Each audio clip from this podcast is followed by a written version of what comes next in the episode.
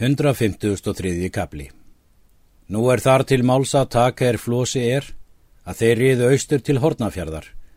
Fyldu flosa flestir allir þingmenn hans. Fluttu þeir þá austur vöru sín og önnur föng og fargögn öll þegar þeir skildu hafa með sér. Síðan byggu þeir ferð sín og skip. Var flosi nú við skipi þar til er þeir voru búnir. En þegar er byr gaf létu þeir í haf. Þeir höfðu langa útivist og veðráttu ítla. Fóru þeir þá hundvillir. Það var einu hverju sinni að þeir fengu áföll stór þrjú nokkur. Saði Flósi þá að þeir myndu nokkur veri í nánd löndum. Og þetta væri grunnföll. Þoka var á mikil en veðrið óks svo að hríð mikla gerði að þeim.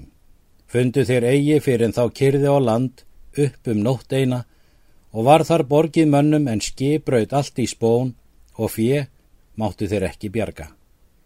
Urðu þeir að leita sér verma. En um daginn eftir gengu þeir upp á hæð nokkura. Var þá veður gott. Flósi spurði ef nokkur maður kendi land þetta. Þar voru þeir menn tveir, er farið höfðu áður og sögðus kennað vísu og erum við komnir við orknegar í Hrossei. Fá máttum við betri landtöku, segir Flósi.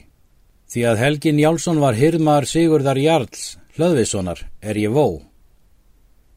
Leituðu þeir sér þá fylsnis og reytti á sig mós og lágu svo um stund og eigi langaður flósimælti. Ekki skulum við hér líkja lengur svo að landsmenn verði þess varir. Stóðu þeir þá upp og gerður á sitt. Flósi mælti þá til sinna manna. Við skulum ganga allir á vald Jarlsins. Gerir oss ekki annað því að Jarl hefur að líku lífvort ef hann vill eftir því leita. Gengur þeir þá allir í braut þaðan. Flósi mælta þeir skildu engu manni segja tíðindin eða frá ferðum sínum fyrir en hann segði Jarli. Fóru þeir þá til þess er þeir fundu menn, þá er þeim vísuðu til Jarls. Gengu þeir þá fyrir Jarl og kvatti Flósi hann og allir þeir. Jarl spurði hvað manna þeir væru. Flósi nefndi sig og sagði úr hverri sveit hann var af Íslandi. Jarl hafði spurt áður brennuna og kendist hann af því þegar við mennina. Jarl spurði þá Flósa. Hvað segir þú mér til Helgan Jálssonar, hirmanns míns? Það, saði Flósi, að ég hjó höfuð af honum. Jarl mælti, taki þá alla. Þá var svo gert. Þá kom að í því Þorsteit Síðuhalsson Flósi átti steinvöru sýstur Þorsteins. Þorstein var hirmaðar Sigurðar Jarl.